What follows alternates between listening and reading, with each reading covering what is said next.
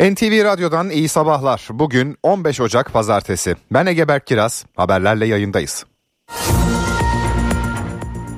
Kuzey Irak'ta Pence Kilit Operasyonu bölgesinde teröristlerle çıkan çatışmada şehit olan 9 askerden 6'sı dün son yolculuklarına uğurlandı. Giresun, Ordu, Aksaray, Niğde, Eskişehir ve Kahramanmaraş'taki cenaze törenlerine binlerce kişi katıldı. Sınır ötesinde terör operasyonları sürüyor. Milli Savunma Bakanlığı Irak ve Suriye'nin kuzeyinde 24 terör hedefinin imha edildiğini açıkladı. Cuma akşamından bu yana etkisiz hale getirilen terörist sayısı 74'e yükseldi. Milli İstihbarat Teşkilatı da Suriye'nin kuzeyinde 23 terör hedefini imha etti. MIT ayrıca terör örgütü PKK için istihbarat toplama faaliyetinde bulunan Hasan Seburi adlı teröristi Kuzey Irak'ta etkisiz hale getirdi. Türkiye Büyük Millet Meclisi yarın terör gündemiyle toplanacak. Milli Savunma Bakanı Yaşar Güler ve Dışişleri Bakanı Hakan Fidan genel kurulda milletvekillerine terörle mücadele konusunda bilgi verecek. Hem son dönemde üst bölgelerine yönelik saldırılar hem de terör operasyonları ele alınacak. Türkiye genelinde okullarda şehitler için bugün saygı duruşunda bulunulacak. Milli Eğitim Bakanı Yusuf Tekin, şehit olan vatan evlatlarının aziz hatıralarını yaşatmak, eğitim ailesi olarak minnetimizi göstermek amacıyla Milli Eğitim Bakanlığı'na bağlı okullarda bayrak töreni öncesinde bir dakikalık saygı duruşunda bulunulacak dedi.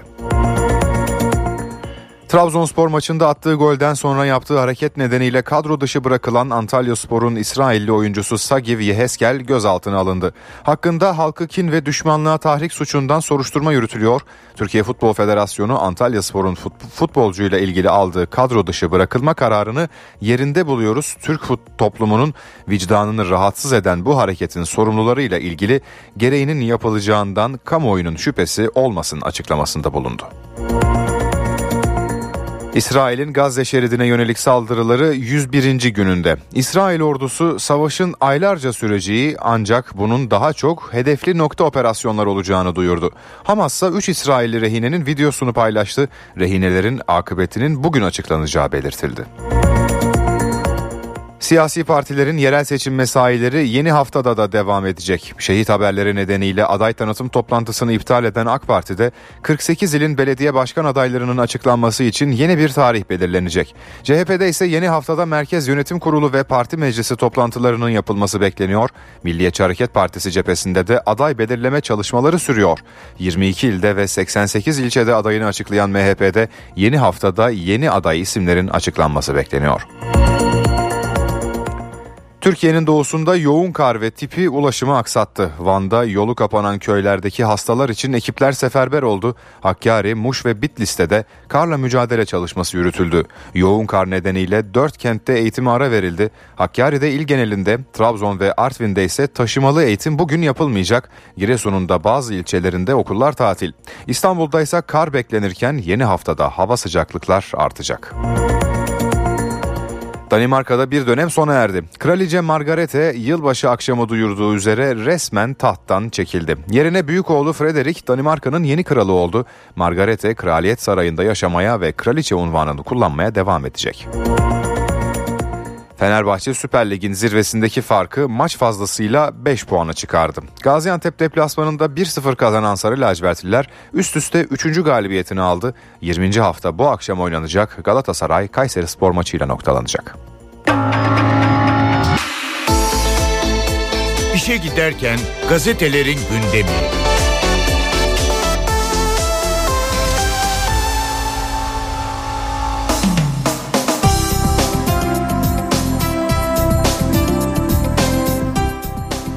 Gazetelerin gündemine bakacağız. 15 Ocak Pazartesi.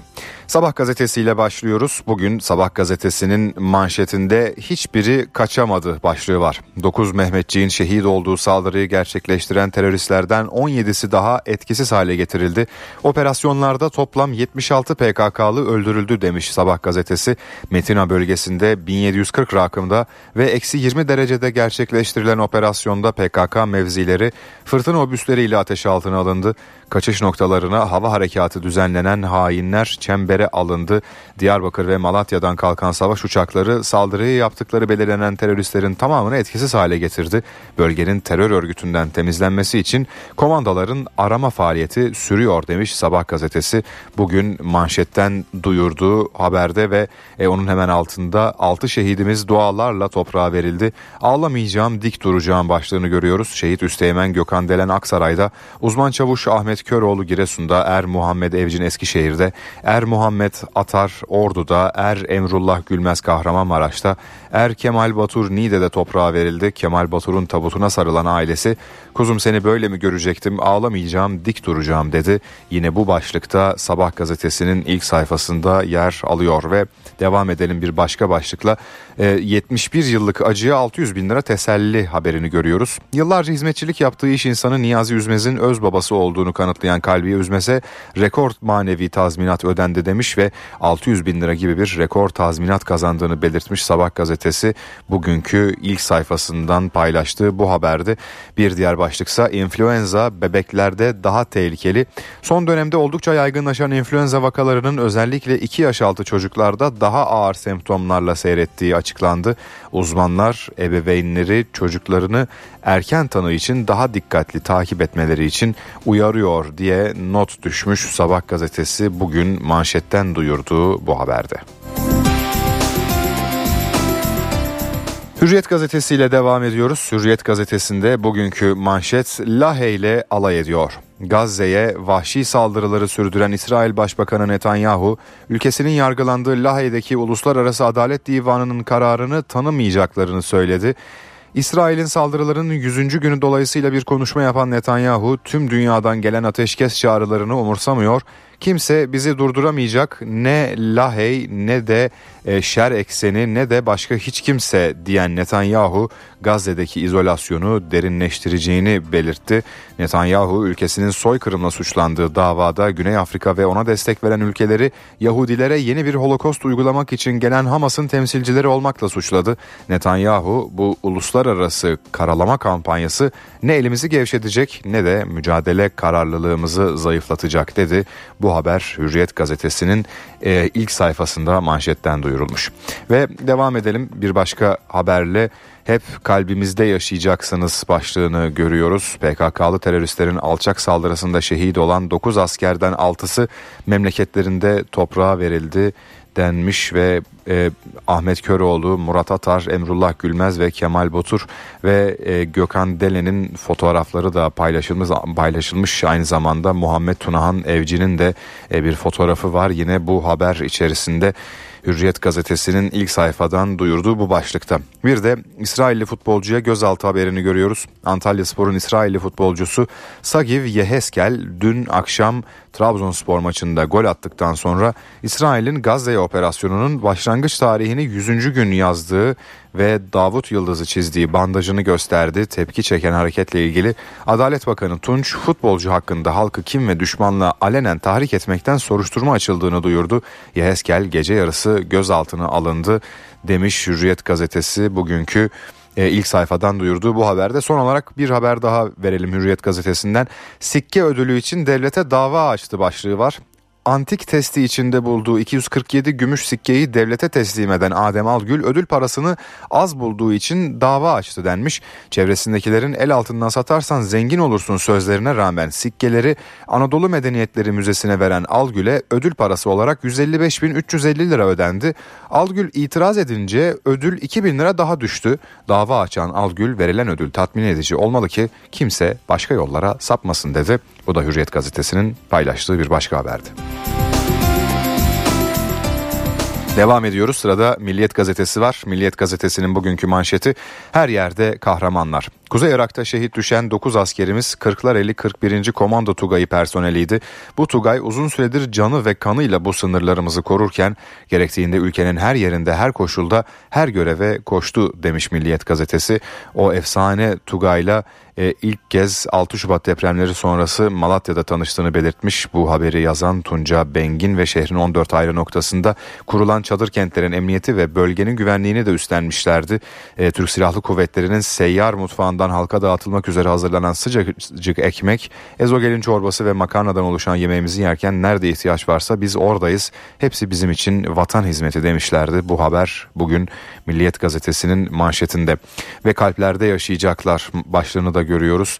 Yine Gökhan Delen, Ahmet Köroğlu, Emrullah Gülmez, Kemal Batur, Murat Atar ve Tunahan Evci'nin fotoğrafları paylaşılmış. Türkiye Pençekilit Harekatı bölgesinde şehit olan kahramanlarının son yolculuklarını uğurladı. Üsteğmen Gökhan Delen, uzman çavuş Ahmet Köroğlu, sözleşmeli erler Emrullah Gülmez, Kemal Batur, Murat Atar ve Tunahan Evcin düzenlenen törenlerin ardından dün memleketlerinde toprağa verildi denmiş ve 47 hedef daha vuruldu.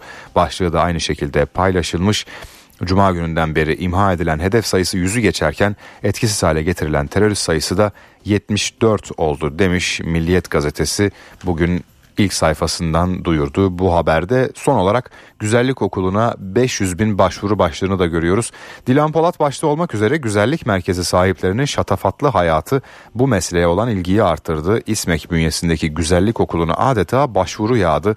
Yaklaşık 500 bin kişi güzellik kursuna başvururken en çok tercih edilen branşlarsa kuaförlük, cilt bakımı, el ve ayak bakımı, saç kesimi ve makyözlük oldu notunu da düşmüş Milliyet Gazetesi.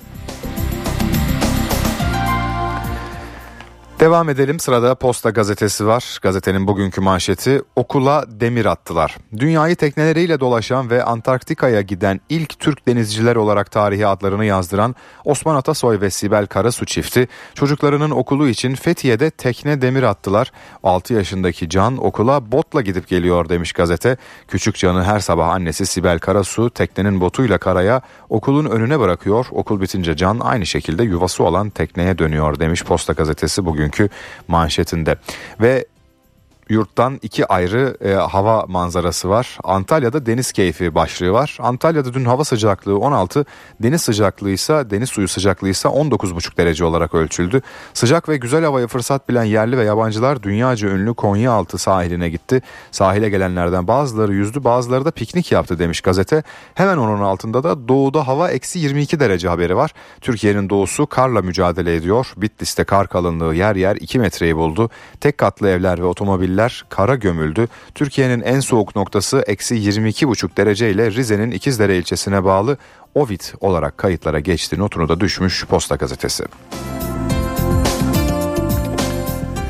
Sırada Yeni Şafak var. Yeni Şafak gazetesinde bugünkü manşet dua ve minnetle. PKK terörüyle ön saflarda savaşırken Cuma akşamı Metina'da şehit olan 9 askerden 6'sı dün memleketlerinde gözyaşı ve dualarla uğurlandı. Cenaze namazlarının kılındığı camiler doldu taştı. Törenlere on binlerce kişi katıldı demiş Yeni Şafak gazetesi. Hemen onun altında da hem Türk Silahlı Kuvvetleri hem MIT vurdu başlığını görüyoruz. 24 saat içinde 47 hedef yerle bir edildi. Irak ve Suriye'nin kuzeyindeki bölgesindeki terör hedeflerine bomba yağdırıldı. 3 günde vurulan hedef sayısı 101'e çıkarken etkisiz hale getirilen PKK-YPG'li terörist sayısı da 74'e ulaştı. Vurulan hedefler içinde Suriye'nin kuzeyindeki Lafarge Çimento Fabrikası'nın teröristler tarafından kullanılan barakaları da var demiş Yeni Şafak gazetesi bugün ilk sayfasındaki haberde. Ayrıca soykırımın 100. günü başlığını da görüyoruz. İsrail 7 Ekim'den bu yana Amerika Birleşik Devletleri ve Avrupa'nın desteğiyle tüm dünyanın gözleri önünde Filistinlilere soykırım uyguluyor demiş ve onun da altında dünya adalet arıyor. Gazze'deki soykırım dünyanın dört bir tarafında protesto ediliyor. Amsterdam'da binlerce kişi yürüdü notunu düşmüş Yeni Şafak gazetesi. Son olarak Cumhuriyet gazetesi var. Bugün gazetenin manşetinde sansür talimatı var. E, Çukurova 16. Kitap Fuarı Adana'da başladı. Açılışa giden Vali Yavuz Selim Köşker Adana İl Milli Eğitim Müdürlüğü standını ziyaret etti. İddiaya göre Köşker yardımcısından yan taraftaki yayın evinin standında bulunan Milli Eğitime Darbe kitabının kaldırılmasını istedi.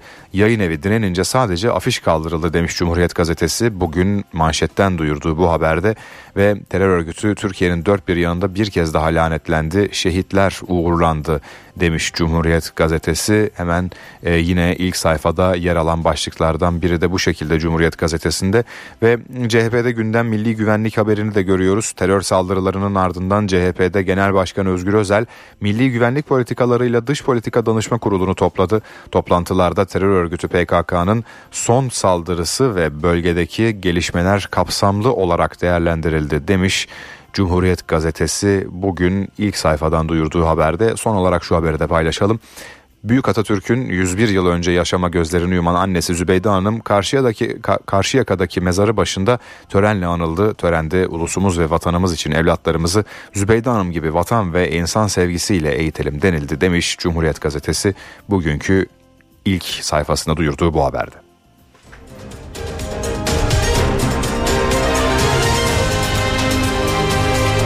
NTV Radyo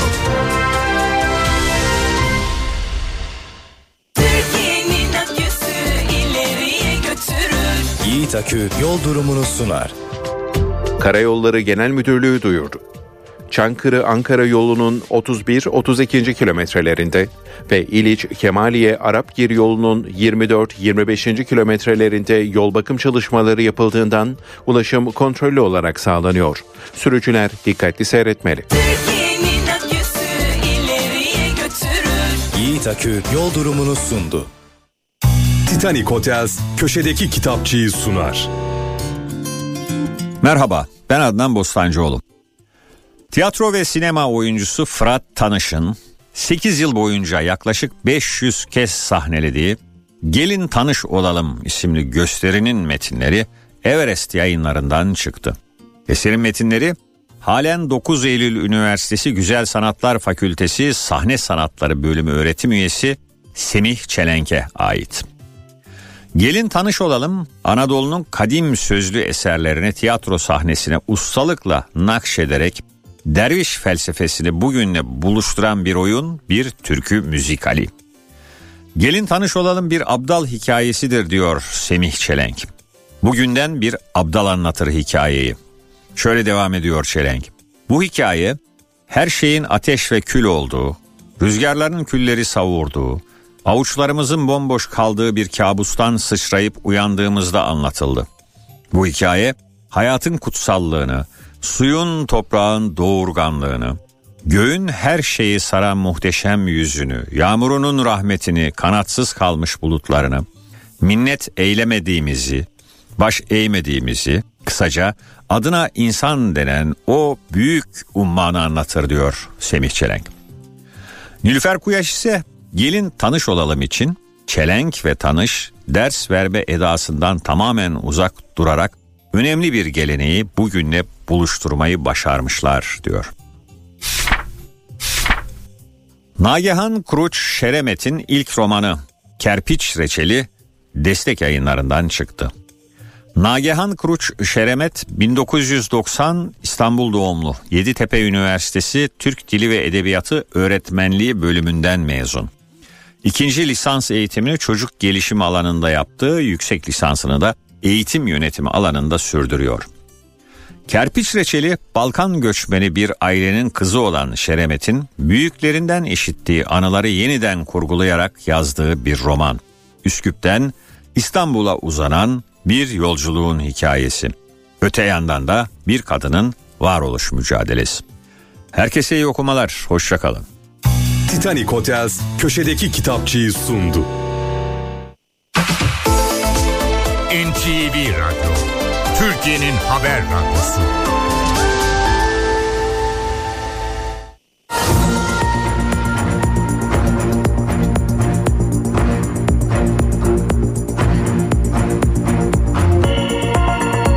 NTV Radyo'da gelişmeleri aktarmayı sürdürüyoruz. Türkiye şehitlerini uğurladı.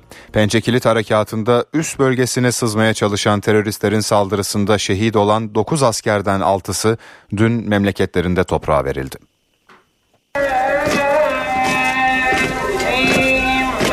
Altı ilde şehitlere gözyaşlarıyla veda edildi. Esselamu Aleyküm ve Rahmetullah. PKK'lı teröristlerin saldırısında şehit olan askerleri yüz binler uğurladı. Piyade Üsteğmen Gökhan Deren 31 yaşındaydı. Bekar olan şehidin üç kardeşi vardı. Şehit için Aksaray'da düzenlenen törende yakınları güçlükle ayakta durdu. Kardeşi törene ağabeyinin şapkasıyla geldi, fotoğrafını taşıdı. İade Üsteğmen Gökhan Deren, törenin ardından Aksaray şehitliğinde toprağa verildi.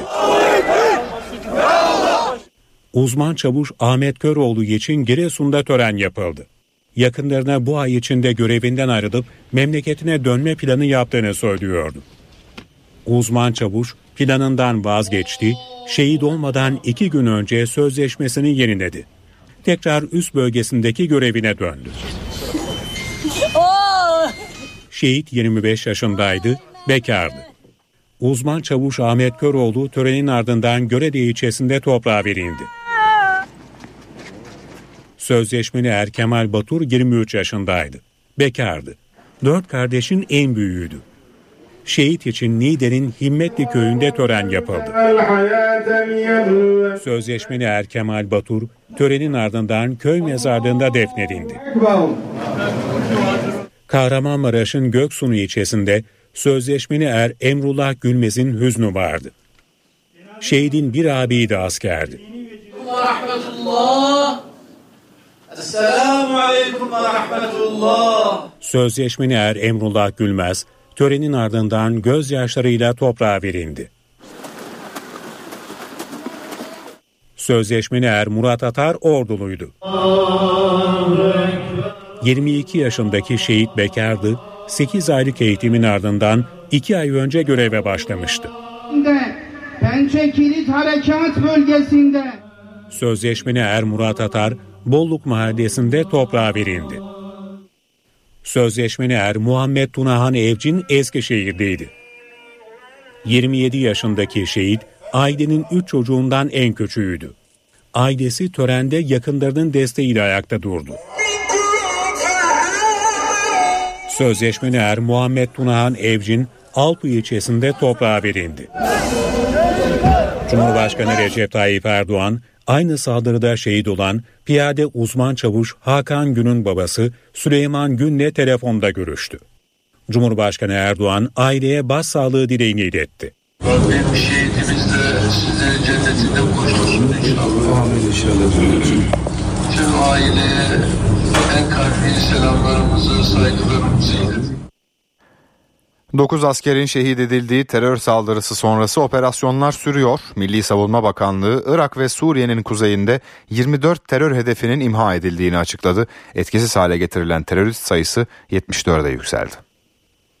Terör örgütü PKK'nın Irak'ın kuzeyinde 9 askeri şehit ettiği saldırının ardından başlatılan operasyonlar sürüyor. Türk Silahlı Kuvvetleri ve Milli İstihbarat Teşkilatı hem Irak'ta hem de Suriye'nin kuzeyinde terör hedeflerini imha ediyor. MIT terör saldırısının ardından Suriye'de bulunan PKK hedeflerini vurdu. Operasyonlarda Suriye'de PKK-YPG kontrolünde örgüte ait sözde askeri, istihbarat, enerji altyapı tesisi, cephane noktaları gibi stratejik hedeflerin yanı sıra örgütte sorumlu düzeyde faaliyet yürüten teröristler hedef alındı. 5 kritik altyapı tesisi, 3 kontrol noktası, 8 askeri nokta, 2 mühimmat deposu, 2 lojistik deposu, 2 teknik araç deposu ve bir tünel çalışmalarında kullanılan araç olmak üzere toplamda terör örgütüne ait 23 hedef imha edildi. Güvenlik kaynaklarından edinilen bilgilere göre operasyonların planlanan hedefe ulaşıncaya kadar devam edeceği öğrenildi. Milli İstihbarat Teşkilatı Irak'ın kuzeyinde bulunan Süleymaniye'de de nokta operasyon düzenledi. PKK'ya İran'dan katılan terörist Hasan Seburi etkisiz hale getirildi. Örgüte 2023 yılında katılan teröristin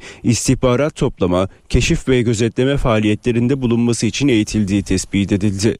Milli Savunma Bakanlığı'ndan yapılan açıklamada ise Suriye'nin kuzeyinde sızma girişiminde bulunan 7 teröristin etkisiz hale getirildiği bildirildi. Irak'ın kuzeyindeki Gara ve Metina'da düzenlenen hava harekatıyla 10 terörist öldürüldü. Böylece terör saldırısının ardından etkisiz hale getirilen terörist sayısı 74'e yükseldi. Milli Savunma Bakanlığı Irak ve Suriye'nin kuzeyine düzenlenen hava harekatlarına ilişkinde açıklamalarda bulundu. Irak'ın kuzeyindeki Metina, Hakurk, Gara, Kandil ve Asos bölgeleriyle Suriye'nin kuzeyinde bulunan terörist hedefleri vuruldu. Operasyonlarda içerisinde sorumlu düzeyde teröristlerin de bulunduğu değerlendirilen 24 terör hedefi imha edildi.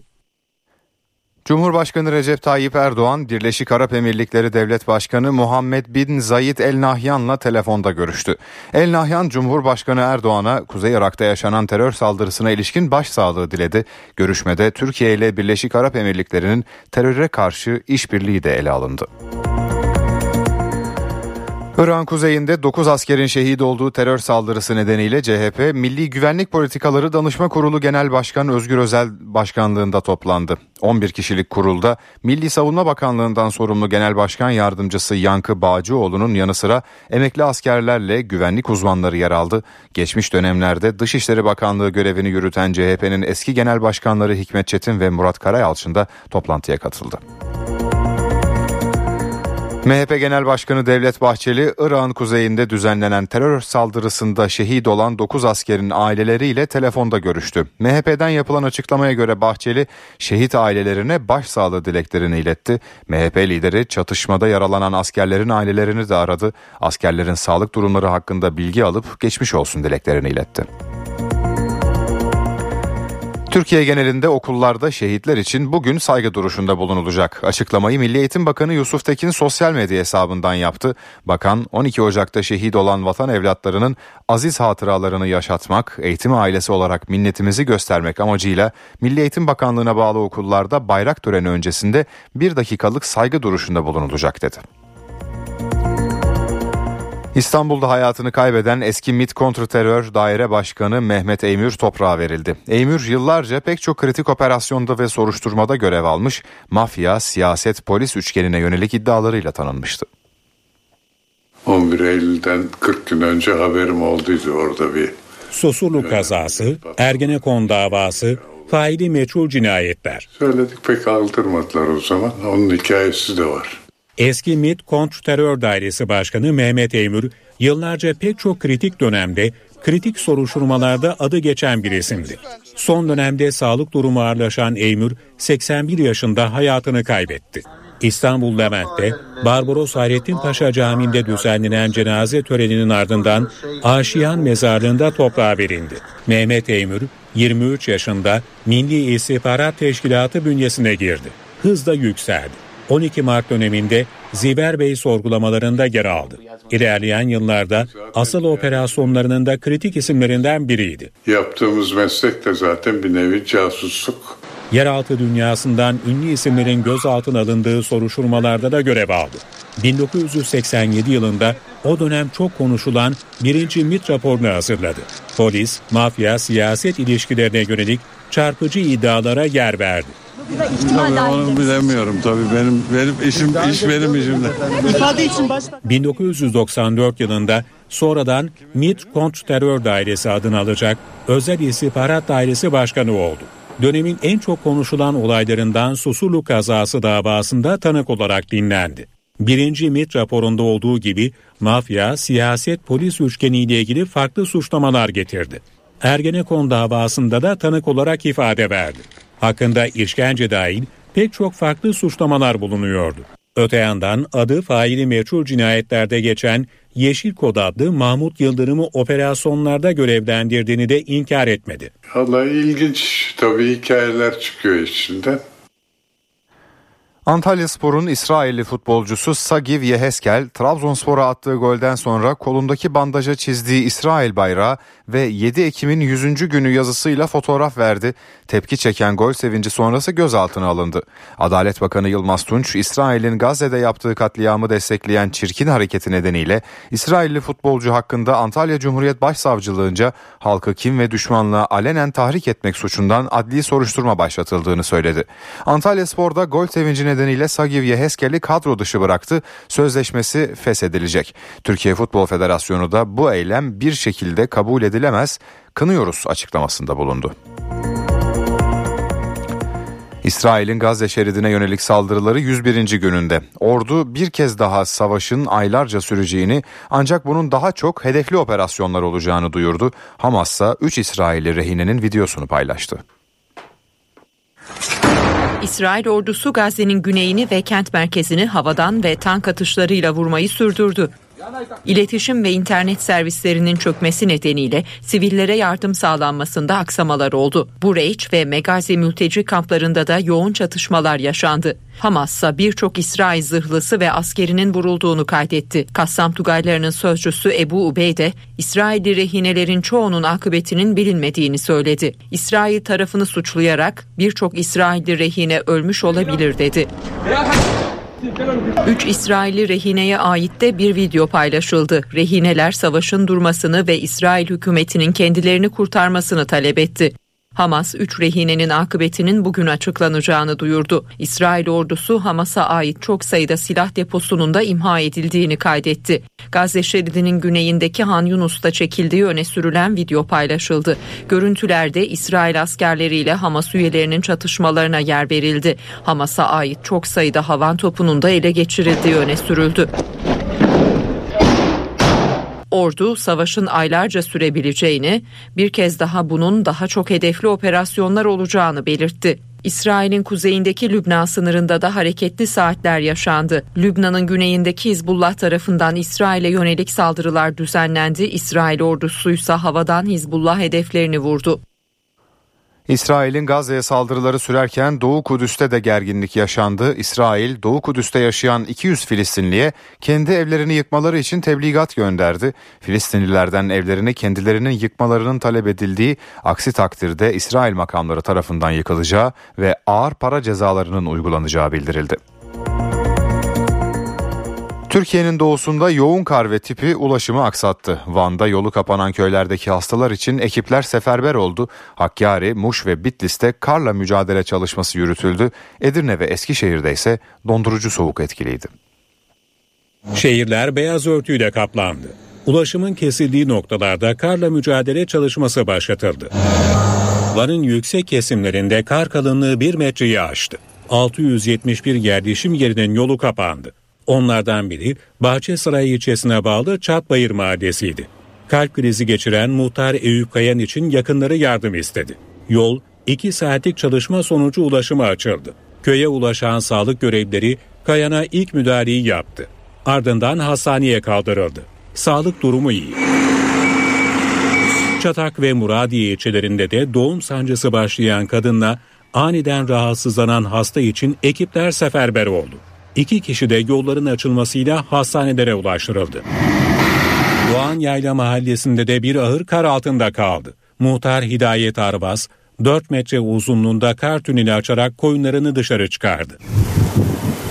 Çetin kış şartlarının olduğu Hakkari'de de kar yağışı 3 gün sürdü. Yüksek kesimlerde kar kalınlığı 2 metreyi aştı. 298 yerleşim yeriyle ulaşım kesindi. Besiciler hayvanlarını yemlemek için kızak ve brandayla ot taşıdı. Muş ve Bitlis'te de ekipler kardan kapanan yolları açmak için aralıksız çalıştı. Eskişehir'de termometre sıfırın altında 7 dereceyi gördü. Porsuk çayının yüzeyinde buz tabakası oluştu. Edirne'de ise sıcaklık eksi 6 dereceye düştü. Çatılar ve bitkiler kırağıyla kaplandı, süs havuzları buz tuttu.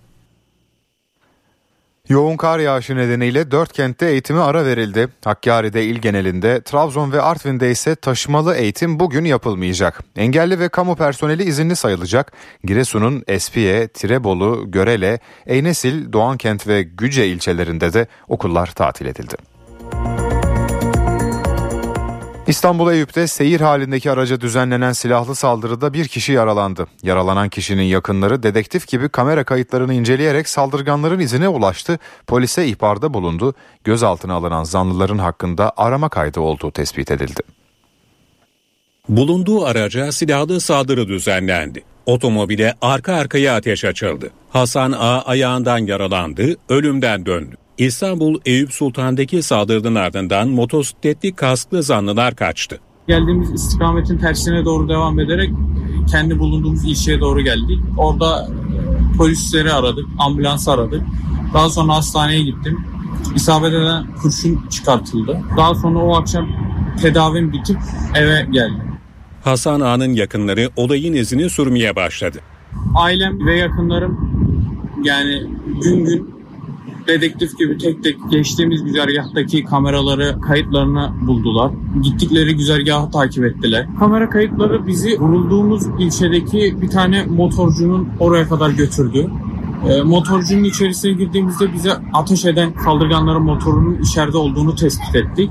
Daha sonra polis ekiplerine ihbarında bulunduk.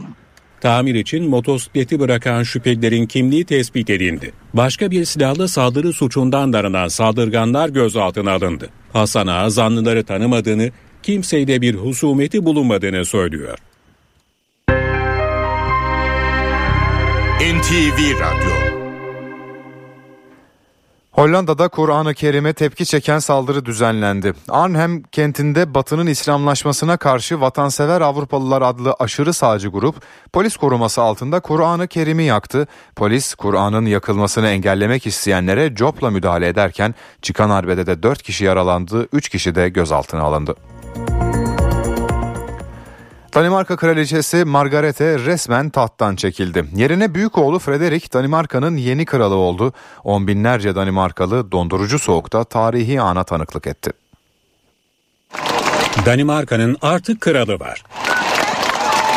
83 yaşındaki kraliçe Margarete tahttan çekildi, yerine büyük oğlu Frederick geçti. Veliaht Prens, Kral 10. Frederick adıyla tahta çıktı. Margaret'e tahttan çekileceğini yılbaşı akşamı ilan etmişti. Devir teslim töreni kraliçenin tahta çıkışından tam 52 yıl sonra aynı gün yapıldı. Margaret'e at arabasıyla halkı selamlayarak Kraliyet Sarayı'ndan parlamento binasına gitti.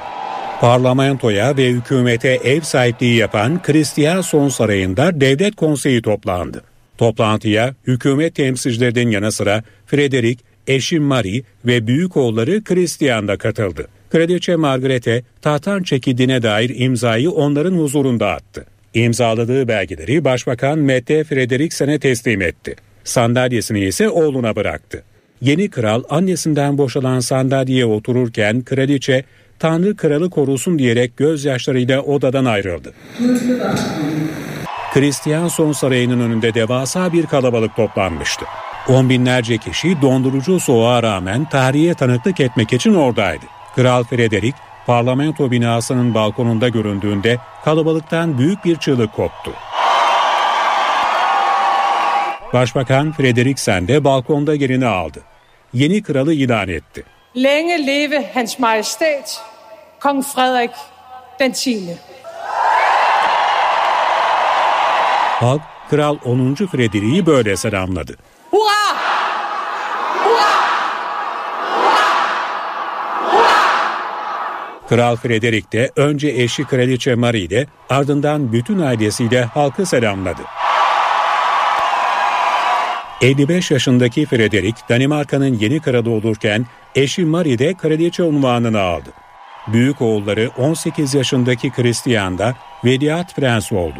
51 yaşındaki Avustralya asıllı Marie Danimarka'nın soylu bir aileden gelmeyen ilk kraliçesi olarak tarihe geçti. Kral ve kraliçe törenin ardından at arabasıyla kraliyet sarayına döndü. Margrethe, Danimarka'nın en uzun süre tahta kalan hükümdarıydı. Danimarkalıları şaşırtan kararıyla 900 yıldır tahttan feragat eden ilk Danimarka hükümdarı oldu. Margrethe, kraliyet sarayında yaşamaya ve kraliçe unvanını kullanmaya devam edecek. Alman arkeolog Klaus Schmidt yürüttüğü kazı çalışmalarıyla Göbekli Tepe'yi dünyaya tanıtmıştı. Onun anısına Şanlıurfa'da doğa yürüyüşü düzenlendi. Tarihin sıfır noktası en eski anıtsal yapı. Bu tanımlamaların altında imzası bulunan isim Göbekli Tepe'yi dünyaya tanıtan Alman arkeolog Şanlıurfa'da yürüyüşle anıldı. Bugünkü tek amacımız Urfalılar olarak Klaus Schmidt hocamıza olan vefa borcumuzu ödemek için ikinci doğa yürüyüşünü yapıyoruz. Göbekli Tepe ilk olarak 1963 yılında yapılan yüzey araştırmalarıyla fark edildi. 1986 yılında tarlasını süren bir çiftçinin bulduğu heykelle somut bulgulara ulaşıldı. 1994'te bölgeyi ziyaret eden Profesör Doktor Schmidt ise Göbekli Tepe'deki üst kısımları görünen taşların Neolitik döneme ait olduğunu anladı ve 1995 yılından 2006'ya kadar sürecek kesintisiz kazı çalışmasını başlattı. Bu girişimiyle insanlık tarihinin yeniden şekillendirilmesini sağladı. 12 bin yıl önce inşa edilen yapı insanlığın ilk yerleşim yeri olarak kabul ediliyor tarihe ışık tutan bilim insanı 2014 yılında hayatını kaybetmişti. Alman bilim insanının eşi Çiğdem Köksal Schmidt ve farklı kentlerden bölgeye giden 49 kişi doğa yürüyüşü gerçekleştirdi. Göbekli Tepe'yi kültürel zenginliği Şanlıurfa'mıza katan e, Profesör Doktor e, Klaus Schmidt'in e, anısına bir yürüyüş yaptık. Yürüyüşe katılanlar 6 saatte 15 kilometre yol kat etti.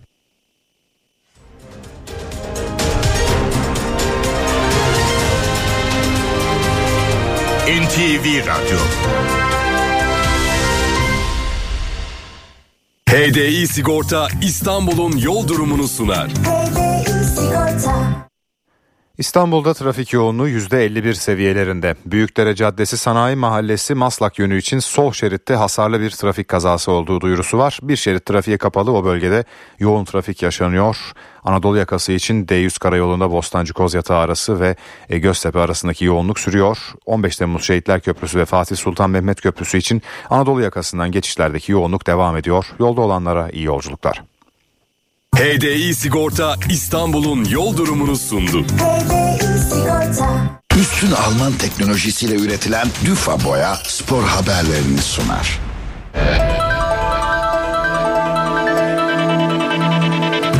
Fenerbahçe Trendyol Süper Lig'in zirvesindeki farkı maç fazlasıyla 5 puana çıkarttı. Gaziantep deplasmanında 1-0 kazanan Sarı Lacivertliler üst üste 3. galibiyetini aldı. İsmail Kartal'ın ekibine 3 puana getiren golü 81. dakikada İrfancan Kahveci attı. Yeni transfer Leonardo Bonucci'nin 38. dakikada oyuna girdiği maçta Edin Dzeko 50. dakikada penaltı kaçırdı. 20. maçında 17. galibiyetini alan lider Fenerbahçe en yakın takipçisi Galatasaray'la arasındaki farkı maç fazlası ile 5'e yükseltti. Çarşamba günü Ziraat Türkiye Kupası 5. turunda Adana Spor'u konuk edecek Sarı Lacivertliler ligin 21. haftasında ise pazar günü Samsun Spor'u ağırlayacak. Antalya Spor Trabzonspor maçında attığı golden sonra bileğindeki bandajda İsrail bayrağındaki Davut Yıldızı ile birlikte 100 gün 7 Ekim mesajını gösteren kadro dışı bırakılan ve sözleşmesinin feshedileceği açıklanan İsrailli oyuncu Sagiv Yeheskel gözaltına alındı. Adalet Bakanı Yılmaz Tunç Yeheskel hakkında Antalya Cumhuriyet Başsavcılığınca halkı kin ve düşmanlığa alenen tahrik etmek suçundan adli soruşturma başlatıldığını duyurdu. Antalya Spor Kulübü Başkan Vekili ve basın sözcüsü Evren Alkan, oyuncunun kendilerinden habersiz şekilde böyle bir harekette bulunduğunu ve sözleşmesinin feshedilmesi için kulüp avukatlarının çalıştığını belirtti. Futbol Federasyonu da Akdeniz ekibine destek verdi. Yapılan açıklamada sorumlular hakkında disiplin soruşturmaları açılacağı duyuruldu. Trendyol Süper Lig'de zirve takibindeki Galatasaray bugün Mondi Home Kayseri Sporu konuk edecek. Sarı Kırmızılılarda 5 eksik var. Kart cezalısı Kerem Aktürkoğlu, tedavileri süren Mauro Icardi ve Sergio Oliveira'nın yanı sıra Afrika Kupası'ndaki Hakim Ziyech ve Cedric Bakan bu forma giyemeyecek. Son antrenmanda takımla çalışmalara başlayan Sasha Boy ve Davinson Sanchez'in durumları ise maç saatinde belli olacak. Rams Park'ta saat 20'de başlayacak maçı Atilla Karaoğlan yönetecek. Beşiktaş, Vavakars Fatih Karagümrük maçında sakatlanarak oyundan çıkan Amir Hacı Ahmetoviç'in sağlık durumuyla ilgili açıklama yaptı. Bosna Hersekli futbolcu sezonu kapattı. Amir karşılaşmanın 15. dakikasında sakatlanarak oyuna devam edememişti. MR'ı çekilen 26 yaşındaki futbolcunun sol dizinde kısmi ön çapraz bağ ve dış yan bağ yaralanması tespit edildi. Bosnalı oyuncu sezonun kalan bölümünde forma giyemeyecek. Türk futbolunu sarsan yumruğun ardından tedavisi tamamlanan Halil Umut Meler sahalara döndü. FIFA kokartlı hakem Faruk Hoca'nın saldırısından 34 gün sonra maç yönetti. Meler Süper Lig'in 20. haftasındaki İstanbul Spor Konya Spor maçında düdük çaldı. 0-0 sona eren mücadele öncesinde iki takımın başkanları ve kaptanları 37 yaşındaki hakeme çiçek takdim ederek başarı diledi. Halil Umut Meler taraftarların fotoğraf isteklerini de geri çevirmedi. 11 Aralık 2023'te oynanan Ankara Gücü Rize Spor maçından sonra ev sahibi kulübün o dönemki başkanı Faruk Koca ve etrafındakilerin saldırısına uğrayan Halil Umut Meler'in elmacık kemiği çatlamıştı. Dayanıklı, kolay sürülen, kapatıcılığı yüksek Düfa Boya spor haberlerini sundu. NTV Radyo'da haberlerle yayındayız. Türkiye ve dünya gündeminde bu saate kadar neler yaşandığına haber turuyla bakacağız.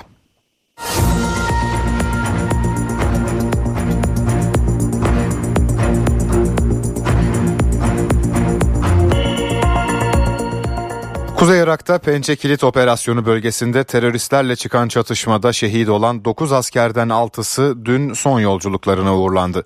Giresun, Ordu, Aksaray, Niğde, Eskişehir ve Kahramanmaraş'taki cenaze törenlerine binlerce kişi katıldı. Sınır ötesinde terör operasyonları sürüyor. Milli Savunma Bakanlığı Irak ve Suriye'nin kuzeyinde 24 terör hedefinin imha edildiğini açıkladı. Cuma akşamından bu yana etkisiz hale getirilen terörist sayısı 74'e yükseldi. Milli İstihbarat Teşkilatı da Suriye'nin kuzeyinde 23 terör hedefini imha etti. MIT ayrıca terör örgütü PKK için istihbarat toplama faaliyetinde bulunan Hasan Seburi adlı teröristi Kuzey Irak'ta etkisiz hale getirdi. Türkiye Büyük Millet Meclisi yarın terör gündemiyle toplanacak. Milli Savunma Bakanı Yaşar Güler ve Dışişleri Bakanı Hakan Fidan genel kurulda milletvekillerine terörle mücadele konusunda bilgi verecek. Hem son dönemde üst bölgelerine yönelik saldırılar hem de terör operasyonları ele alınacak. Türkiye genelinde okullarda şehitler için bugün saygı duruşunda bulunulacak. Milli Eğitim Bakanı Yusuf Tekin, şehit olan vatan evlatlarının aziz hatıralarını yaşatmak, eğitim ailesi olarak minnetimizi göstermek amacıyla Milli Eğitim Bakanlığı'na bağlı okullarda bayrak töreni öncesinde bir dakikalık saygı duruşunda bulunulacak dedi. Trabzonspor maçında attığı golden sonra yaptığı hareket nedeniyle kadro dışı bırakılan Antalya Spor'un İsrailli oyuncusu Sagiv Yeheskel gözaltına alındı. Hakkında halkı kim ve düşmanlığa tahrik suçundan soruşturma yürütülüyor. Türkiye Futbol Federasyonu Antalya Spor yönetiminin futbolcuyu kadro dışı bırakma kararını yerinde buluyoruz. Vicdanları rahatsız eden bu hareketin sorumlusuyla ilgili gereğinin yapılacağından kamuoyunun şüphesi olmasın açıklamasında bulundu. İsrail'in Gazze şeridine yönelik saldırıları 101. gününde. İsrail ordusu savaşın aylarca süreceği ancak bunun daha çok hedefli nokta operasyonlar olacağını duyurdu. Hamas ise 3 İsrailli rehinenin videosunu paylaştı. Rehinelerin akıbetinin bugün açıklanacağı belirtildi. Siyasi partilerin yerel seçim mesaileri yeni haftada da devam edecek. Şehit haberleri nedeniyle aday tanıtım toplantısını iptal eden AK Parti'de 48 ilin belediye başkan adaylarının açıklanması için yeni bir tarih belirlenecek. CHP'de ise yeni haftada Merkez Yönetim Kurulu ve parti meclisi toplantılarının yapılması bekleniyor. Milliyetçi Hareket Partisi cephesinde de aday belirleme çalışmaları sürüyor. 22 ilde ve 88 ilçede adayını açıklayan MHP'de yeni haftada yeni aday isimlerin açıklanması bekleniyor. Türkiye'nin doğusunda yoğun kar ve tipi ulaşımı aksattı. Van'da yolu kapanan köylerdeki hastalar için ekipler seferber oldu. Hakkari, Muş ve Bitlis'te de karla mücadele çalışması yürütüldü. Yoğun kar nedeniyle 4 kentte eğitime ara verildi. Hakkari'de il genelinde, Trabzon ve Artvin'de ise taşımalı eğitim bugün yapılmayacak. Giresun'un da bazı ilçelerinde okullar tatil, İstanbul'da kar beklenirken yeni haftada hava sıcaklıkları artacak. Danimarka'da bir dönem sona erdi. Kraliçe Margarete yılbaşı akşamı duyurduğu üzere resmen tahttan çekildi. Yerine büyük oğlu Frederick Danimarka'nın yeni kralı oldu. Margarete kraliyet sarayında yaşamaya ve kraliçe unvanını kullanmaya devam edecek. Fenerbahçe Süper Lig'in zirvesindeki farkı maç fazlasıyla 5 puana çıkardı. Gaziantep deplasmanında 1-0 kazanan Sarı Lacivertliler üst üste 3. galibiyetini aldı. 20. hafta bu akşam oynanacak Galatasaray Kayseri Spor maçıyla noktalanacak.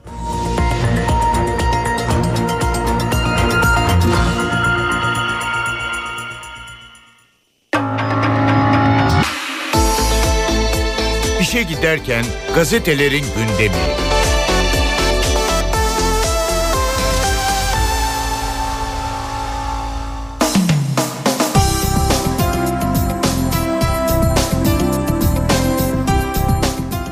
Gazetelerin gündemine bakacağız. 15 Ocak pazartesi günündeyiz. Hiçbiri kaçamadı başlığını görüyoruz Sabah gazetesinde bugün ilk sayfada manşetten duyurulmuş bu haber. 9 Mehmetçiğin şehit olduğu saldırıyı gerçekleştiren teröristlerden 17'si daha etkisiz hale getirildi. Operasyonlarda toplam 76 PKK'lı öldürüldü demiş gazete. Metina bölgesinde 1740 rakımda ve eksi 20 derecede gerçekleştirilen operasyonda PKK mevzileri fırtına obüsleriyle ateş altına alındı. Kaşış geçiş noktalarına hava harekatı düzenlenen hainler çembere alındı demiş. Sabah gazetesi bugünkü manşetinde Diyarbakır ve Malatya'dan kalkan savaş uçakları saldırıyı yaptıkları belirlenen teröristlerin tamamını etkisiz hale getirdi.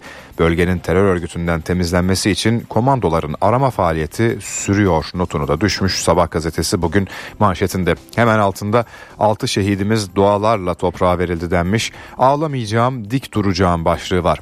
Şehit Üsteğmen Gökhan Delen Aksaray'da, uzman çavuş Ahmet Köroğlu Giresun'da, Er Muhammed Evcin Eskişehir'de, Er Muhammed e, Murat Atar Ordu'da, Er Emrullah Gülmez Kahramanmaraş'ta, Er Kemal Batur Niğde'de toprağa verildi. Kemal Batur'un tabutuna sarılan ailesi kuzum seni böyle mi görecektim ağlamayacağım dik duracağım dedi. Yine bu haberi de Sabah gazetesinin ilk sayfasında görüyoruz ve devam edelim bir başka başlıkla. E, Netanyahu suçlusun başlığı var. Lahey'e kafa tutan Netanyahu'ya ve destekçilerine en anlamlı cevap yüz binlerce protestocudan geldi. Soykırım davası sürerken Gazze'de katliama devam eden Netanyahu tüm dünyada protesto edildi. Avrupa'da ve Amerika'daki gösterilerde de yüz binlerce kişi elleriniz kanlı siz suçlusunuz soykırımı durdurun ateşkes barış ve özgürlük yazılı pankartlar taşıdı demiş Sabah gazetesi bugünkü ilk sayfadan duyurduğu bu haberinde. Bir de sağlık alanından haber var. İnfluenza bebeklerde daha tehlikeli haberini görüyoruz. Son dönemde oldukça yaygınlaşan influenza vakalarının özellikle 2 yaş altı çocuklarda daha ağır semptomlarla seyrettiği açıklandı. Uzmanlar ebeveynleri çocuklarını erken tanı için daha erken daha dikkatli takip etmeleri için uyarıyor şeklinde duyurulmuş bu haber Sabah gazetesinin ilk sayfasında. Şehit polis kızının hazin sonu başlığını da görüyoruz. İstanbul'da yaşayan Nazlı Hilal Yalman evinde çıkan yangında can verdi. Yangının elektrik ısıtıcısından çıktığı belirlendi. Genç kadının babası başkomiser Feyyaz Yalman'ın 1997'de şehit olduğu öğrenildi denmiş Sabah gazetesinin bu haberinde. Devam ediyoruz Hürriyet gazetesiyle Lahe ile alay ediyor manşeti var bugün gazetede. Gazze'ye vahşi saldırıları sürdüren İsrail Başbakanı Netanyahu ülkesinin yargılandığı Lahe'deki Uluslararası Adalet Divanı'nın kararını tanımayacaklarını söyledi. İsrail'in saldırılarının 100. günü dolayısıyla bir konuşma yapan Netanyahu tüm dünyadan gelen ateşkes çağrılarını umursamıyor. Kimse bizi durduramayacak ne Lahey ne şer ekseni ne de başka hiç kimse diyen Netanyahu Gazze'deki izolasyonu derinleştirdi geliştireceğini belirtti. Bu haber Hürriyet gazetesinin manşetinde yer alıyor. Hemen yanında hep kalbimizde yaşayacaksınız başlığı var. PKK'lı teröristlerin alçak saldırısında şehit olan 9 askerden 6'sı memleketlerinde toprağa verildi demiş gazete ve üzerinde hemen bir fotoğraf var. Babası e, Nazif Evcin, şehit Er Muhammed Tunahan Evcin'in babası Nazif Evcin, Muhammed Pırlantaydı birlik ve beraberliğe çok ihtiyacımız var dedi. Ablası Ümmühan tabuta sarılıp ağladı ve bu haberde yine gazetenin ilk sayfasında yer alıyor. Bir başka başlık İsrailli futbolcuya gözaltı. Antalya Spor'un İsrailli futbolcusu Sagiv Yeheskel dün akşam Trabzonspor maçında gol attıktan sonra İsrail'in Gazze operasyonunun başlangıç tarihini 100. gün yazdığı ve Davut Yıldız'ı çizdiği bandajını gösterdi. Tepki çeken hareketle ilgili Adalet Bakanı Yılmaz Tunç, futbolcu hakkında halkı kim ve düşmanlığa alenen tahrik etmekten soruşturma açıldığını duyurdu. Yeheskel gece yarısı gözaltına alındı demiş gazete. Bir başka başlık e, Hürriyet'in ilk sayfasında şu şekilde sikke ödülü için devlete dava açtı antik testi içinde bulduğu 247 gümüş sikkeyi devlete teslim eden Adem Algül ödül parasını az bulduğu için dava açtı. Çevresindekilerin el altından satarsan zengin olursun sözlerine rağmen sikkeleri Anadolu Medeniyetleri Müzesi'ne veren Algül'e ödül parası olarak 155.350 lira ödendi. Algül itiraz edince ödül 2000 lira daha düştü. Dava açan Algül verilen ödül tatmin edici olmalı ki kimse başka yollara sapmasın dedi. Devam edelim. Milliyet gazetesiyle devam ediyoruz. Her yerde kahramanlar manşetini görüyoruz bugün gazetede. Kuzey Irak'ta şehit düşen 9 askerimiz Kırklareli 41. Komando Tugayı personeliydi. Bu Tugay uzun süredir canı ve kanıyla bu sınırlarımızı korurken gerektiğinde ülkenin her yerinde her koşulda her göreve koştu denmiş bugün manşette. O efsane Tugay'la ilk kez 6 Şubat depremleri sonrasında Malatya'da tanıştığını belirtiyor haberin yazarı Tunca Bengin. Şehrin 14 ayrı noktasında kurulan çadır kentlerin emniyeti ve bölgenin güvenliğini üstlenmişlerdi. Türk Silahlı Kuvvetleri'nin seyyar mutfağından halka dağıtılmak üzere hazırlanan sıcacık ekmek, ezogelin çorbası ve makarnadan oluşan yemeğimizi yerken nerede ihtiyaç varsa biz oradayız Hepsi bizim için vatan hizmeti demişlerdi notunu da düşmüş Milliyet gazetesi. Altında kalplerde yaşayacaklar haberini görüyoruz. Türkiye Pençekilit Harekatı bölgesinde şehit olan kahramanlarına son yolculuklarına uğurladı. Üsteğmen Gökhan Delen, uzman çavuş Ahmet Köroğlu, sözleşmeli erler Emrullah Gülmez, Kemal Batur, Murat Atar ve Muhammed Tunahan Evcin düzenlenen törenlerin ardından dün memleketlerinde toprağa verildi denmiş haberde. Türk Silahlı Kuvvetleri ve MİT tarafından Irak'la Suriye'nin kuzeyinde terör örgütü PKK-YPG'ye düzenlenen hava harekatlarında toplam 47 hedef daha yerle bir edildi demiş hemen bu haberin yanında Milliyet gazetesi. Böylece cuma gününden beri imha edilen hedef sayısı yüzü geçerken etkisiz hale getirilen terörist sayısı da 74 oldu notunu düşmüş Milliyet gazetesi. Devam edelim ilk sayfadaki başka haberlerle güzellik okuluna 500 bin başvuru haberini de görüyoruz bugün Milliyet gazetesinde. Haber şöyle devam ediyor. Dilan Polat başta olmak üzere güzellik merkezi sahiplerinin şatafatlı hayatı bu mesleğe olan ilgiyi artırdı. İSMEK bünyesindeki güzellik okuluna adeta başvuru yağdı. Yaklaşık 500 bin kişi güzellik kursuna başvururken en çok tercih edilen branşlarsa kuaförlük, cilt bakımı, el ve ayak bakımı, saç kesimi ve makyözlük oldu denmiş bugün Milliyet Gazetesi'nin bu haberinde. Diğer başlıklarsa şöyle siyah altın çöpe gidiyor deniyor. Fransa'da 1 Ocak'ta yürürlüğe giren yasaya göre vatandaşların gıda ve bitki atıklarını kompost etmesi zorunlu hale geldi. Biriktirilen atıklar yerel yönetimlerce toplanıp biyogaza dönüştürülecek. Evsel atıkların üçte birini oluşturan organik atıkların dönüşümü hem çevreye hem ekonomiye yarar sağlayacak denmiş. Türkiye'de 2021 verilerine göre yıllık çöpe atılan gıda kişi başı yaklaşık 93 kilogram. Organik atıkların kaynağında ayrıştırılması ise bazı pilot uygulamalar dışında yaygın olmayan bir yöntem. Sadece İstanbul'da günlük olarak 18 bin ton evsel atık çıkıyor ve bunun %44.2'sini organik atıklar oluşturuyor. Notu da düşülmüş Milliyet Gazetesi'nin bu haberinde. Yeni Şafak gazetesiyle devam ediyoruz. Gazetenin bugünkü manşeti dua ve minnetle. PKK terörüyle ön saflarda savaşırken Cuma akşamı Metina'da şehit olan 9 askerden 6'sı dün memleketlerinde gözyaşı ve dualarla uğurlandı. Cenaze namazlarının kılındığı camiler doldu taştı. Törenlere on binlerce kişi katıldı notunu da düşmüş. Yeni Şafak gazetesi manşetten duyurduğu haberinde ve yine hem Türk Silahlı Kuvvetleri hem MIT vurdu başlığı var. TSK ve MIT dün Irak ve Suriye'nin kuzeyindeki terör hedeflerine bomba yağdırdı. 24 saat içinde 47 hedef yerle bir edildi. E, etkisiz hale getirilen PKK-YPG'li terörist sayısı da 74'e ulaştı. Notunu da düşmüş Yeni Şafak gazetesi. Ayrıca ilk sayfada soykırımın 100. günü İsrail 7 Ekim'den bu yana Amerika Birleşik Devletleri ve Avrupa'nın desteğiyle dünyanın gözleri önünde Filistinlilere soykırım uyguluyor. Notunu da düşmüş yine bu haberde Yeni Şafak gazetesi. Dünya adalet arıyor başlığı da var hemen o, o haberin altında. Gazze'deki soykırım dünyanın dört bir tarafında protesto ediliyor. Amsterdam Amsterdam'da binlerce kişi yürüdü denmiş.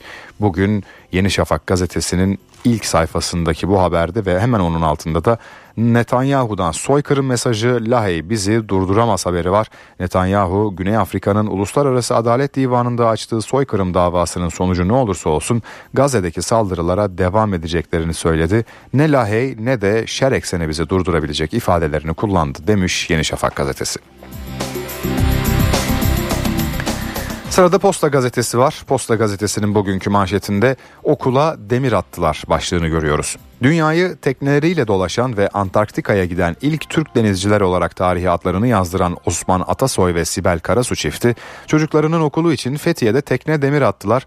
6 yaşındaki Can okula botla gidip geliyor denmiş. Küçük Can'ı her sabah annesi Sibel Karasu teknenin botuyla karaya okulun önüne bırakıyor. Okul bitince Can aynı şekilde yuvası olan tekneye dönüyor denmiş Posta Gazetesi'nin bugün manşetten duyurduğu bu haberde ve yurttan hava izlenimleri var. İki ayrı haber. Antalya'da deniz keyfi başlığıyla duyurulmuş biri. Antalya'da dün hava sıcaklığı 16, deniz suyu sıcaklığı 19,5 derece olarak ölçüldü. Sıcak ve güzel havayı fırsat bilen yerli ve yabancılar dünya ünlü Konya sahiline gitti. Bazıları yüzdü bazıları da piknik yaptı şeklinde duyurmuş bu haberi.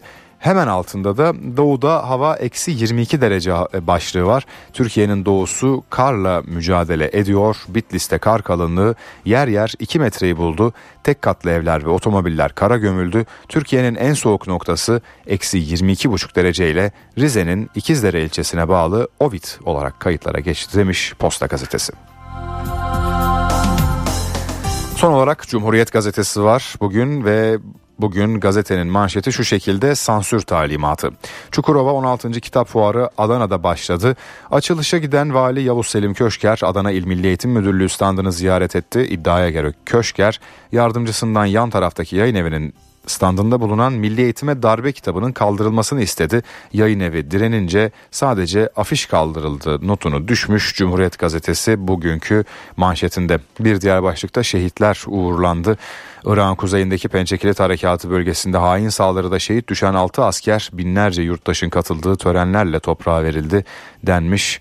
Bugün Cumhuriyet Gazetesi'nin bu haberinde ve bir de son bir başlık CHP'de gündem milli güvenlik terör saldırılarının ardından CHP'de Genel Başkan Özgür Özel milli güvenlik politikalarıyla dış politika danışma kurulunu topladı. Toplantılarda terör örgütü PKK'nın son saldırısı ve bölgedeki gelişmeleri gelişmeler kapsamlı olarak değerlendirildi demiş Cumhuriyet Gazetesi.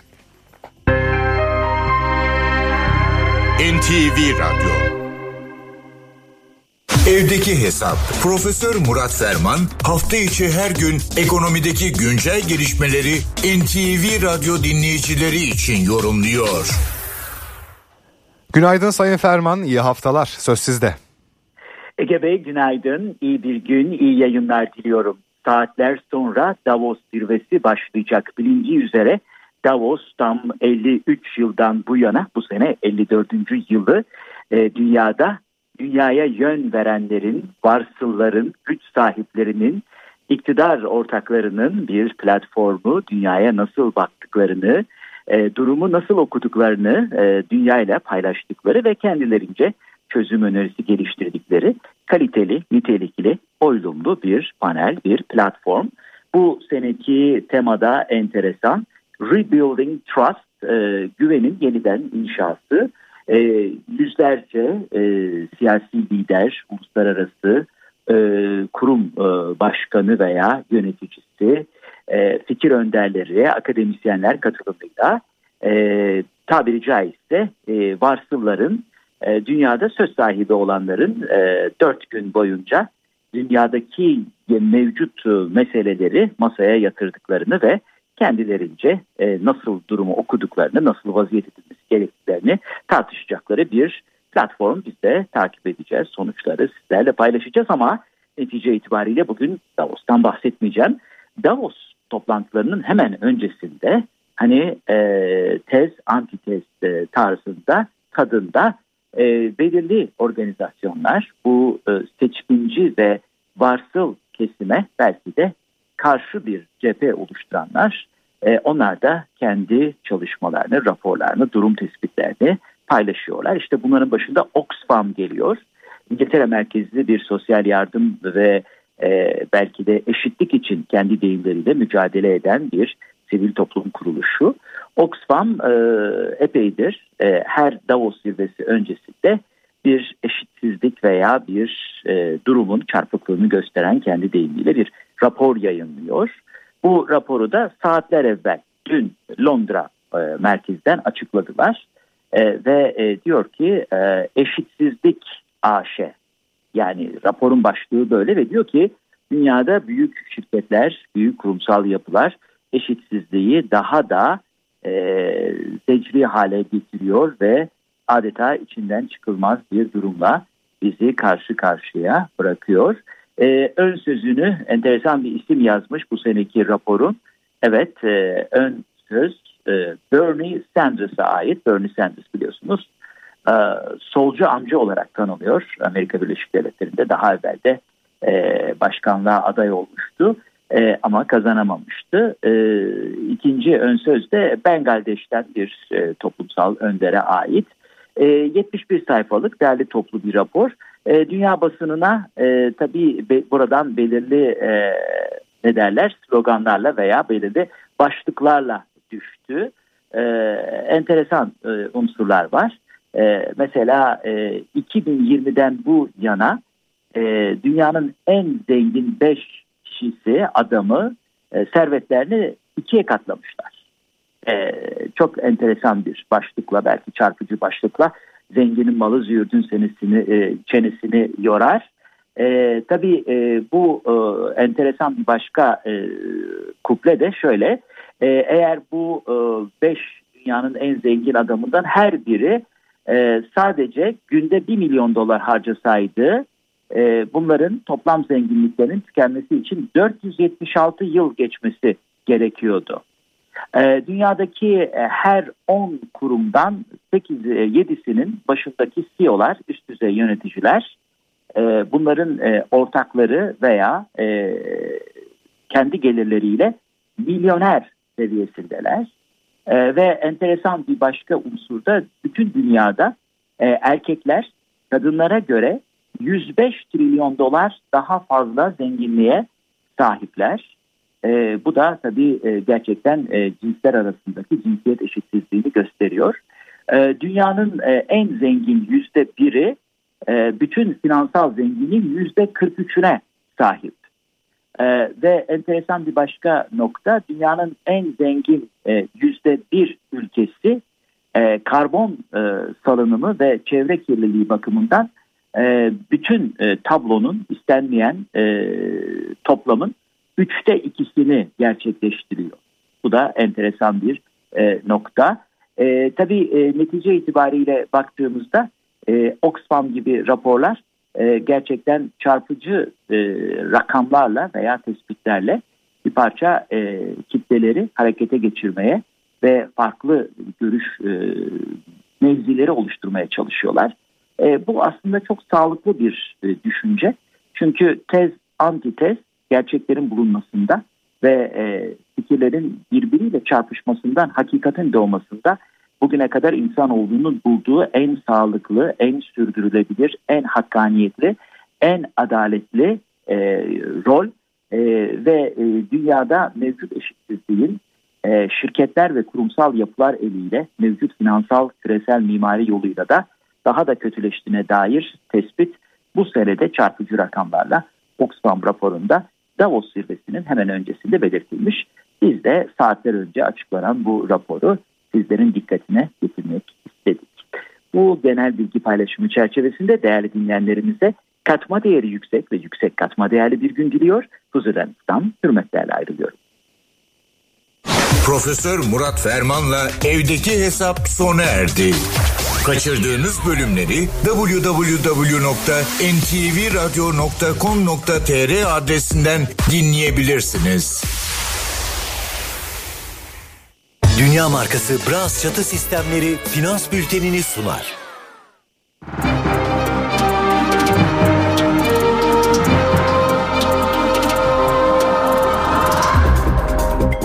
Borsa İstanbul 100 endeksi güne ve haftaya 7986 seviyesinde başlayacak. Dolar 30 lira 9 kuruş, euro 33 lira 2 kuruştan işlem görüyor. Euro dolar paritesi 1.09. Ons altın 2054 dolarda. Kapalı çarşıda gram altın 1987, çeyrek altın 3370 liradan alıcı buluyor. Brent petrolün varil fiyatı 78 dolar. Dünya markası Bras çatı sistemleri finans bültenini sundu. Benzersiz duvarlar artık hayal değil. Sandeko Boya hava durumunu sunar. Yeni hafta ılık başlıyor. 5 büyük kentte hava açık ama soğuk. İstanbul ve Bursa 7, Ankara 3 derece. Başkentte gece ayaz olacak. Sıcaklık eksi 4'e inecek. İzmir 9, Antalya ise 15 derece. Eşsiz boya, eşsiz mekanlar. Sandeko Boya hava durumunu sundu.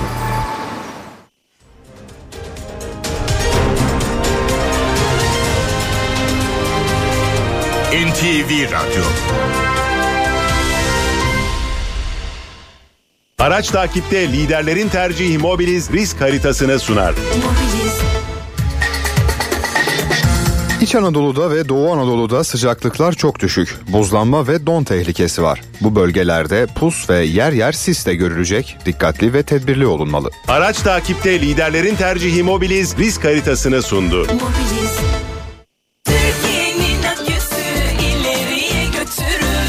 Yiğit Akü yol durumunu sunar. Karayolları Genel Müdürlüğü duyurdu. İzmir-Aydın otoyolunun 1-4. kilometrelerinde ve Kızılcahamam Kahraman Kazan Ankara yolunun 48-52. kilometrelerinde yol bakım çalışmaları yapıldığından ulaşım bölünmüş yolun bir bölümünden çift yönlü sağlanıyor. Sürücüler dikkatli seyretmeli. Yiğit Akü yol durumunu sundu. Doğa takvimi Bugün 15 Ocak 2024 Pazartesi NTV Radyo iyi günler diler. Yılın en soğuk gecesi Bocuk Gecesidir. İkinci en soğuk gecesi de Karakoncolos Soğukları Gecesidir. Kafkaslardan Orta Avrupa'ya Karakoncolos adlı hayali yaratığın yılın en soğuk gecelerinde ortaya çıktığına inanılır. O gelmesin diye kapıların önüne kabak, pancar yemeği ya da kuymak konurmuş. Öyle ki Aralık ayı öncesine evveli koncolos, sonrasına da ahiri koncolos denirmiş. Ve Anadolu'da halk 24 Aralık 20 Ocak arası korkudan geceleri sokağa çıkmazmış. Evliya Çelebi seyahatnamesinde İstanbul'da karşılaştığı Karakonculos'u anlatırken İstanbul'un 17 tılsımı vardır. Onlardan biri de Zemheri'de ortaya çıkan Karakonculoslardır diyor. Karakonculos fırtınası gecesinde yaşanan korkuya zamanla eğlence eklenmiş. Günümüzde yok denecek kadar az olsa da bazı yörelerde halen Karakonculos şenlikleri yapılıyor. Beyaz çarşaflara bürünen gençler sokaklara çıkıp birbirlerini korkutmaya çalışıyorlar. Kapı önlerine eskiden olduğu gibi yemekler konuyor. Ancak gecenin sonunda yemekler hep birlikte yeniyor. Yunanistan'da da Kali Kancaros adıyla bu inanış özellikle Noel döneminde okul gösterilerinde ve çocuk edebiyatında hala yaşıyor. Doğa takvimi NTV Radyo'da gelişmeleri aktarmayı sürdürüyoruz. Bir canlı yayınla başlayalım. Kuzey Irak'tan gelen şehit haberlerinin ardından bugün Türkiye genelindeki tüm okullarda bir dakikalık saygı duruşunda bulunuldu. Milli Eğitim Bakanı Yusuf Tekin bu konuda bir açıklama yaptı dinleyelim. Bütün şehitlerimizin bu ülke için fedakarlık yapmış, çaba sarf etmiş bütün atalarımızın, büyüklerimizin mekanları cennet olsun. Biz de Milli Eğitim Bakanlığı olarak bireysel olarak hem bu acıyı yaşıyoruz hem de Milli Eğitim Bakanı olarak başka bir görevimiz daha var. Bu ülkenin birliği, beraberliği, bu ülkede yaşayan çocuklarımızın vatanlarına, milletlerine olan sevgisini, saygısını gelecek kuşaklara taşımak bakanlık olarak bizim en temel görevlerimizden bir tanesi. Biz de bugün sabah Türkiye genelinde bütün okullarımızda çocuklarımızın bu duygularını taze tutacak, çocuklarımızın bu vatana sahip çıkma bilincini sağlayacak bir farkındalık oluşturmaya çalıştık. Tekrar ben şehitlerimize Allah'tan rahmet diliyorum. Yakınlarına başsağlığı diliyorum. Türk Silahlı Kuvvetlerine, güvenlik güçlerimize başsağlığı diliyorum. Allah bizlere böyle felaketler, böyle acılar bir daha yaşatmasın diyorum. Şu mesajı da hep beraber vermiş olduk. Bu ülke 7'den 70'e bütün gençleriyle, vatandaşlarla bir bütün olarak topraklarını, vatan toprağını savunacaktır. Her türlü fedakarlığı da yapacaktır. Bunu da herkes böylece bilsin diyorum. Hepinize hayırlı günler diliyorum arkadaşlar. Teşekkür arkadaşlar. Milli Eğitim Bakanı Yusuf Tekin'in açıklamalarını dinledik.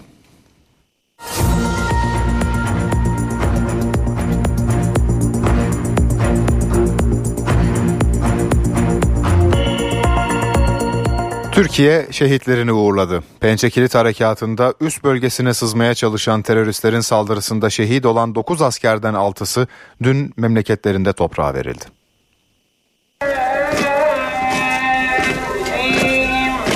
Altı ilde şehitlere gözyaşlarıyla veda edildi. Esselamu Aleyküm ve Rahmetullah. PKK'lı teröristlerin saldırısında şehit olan askerleri yüz binler uğurladı. Piyade Üsteğmen Gökhan Deren 31 yaşındaydı.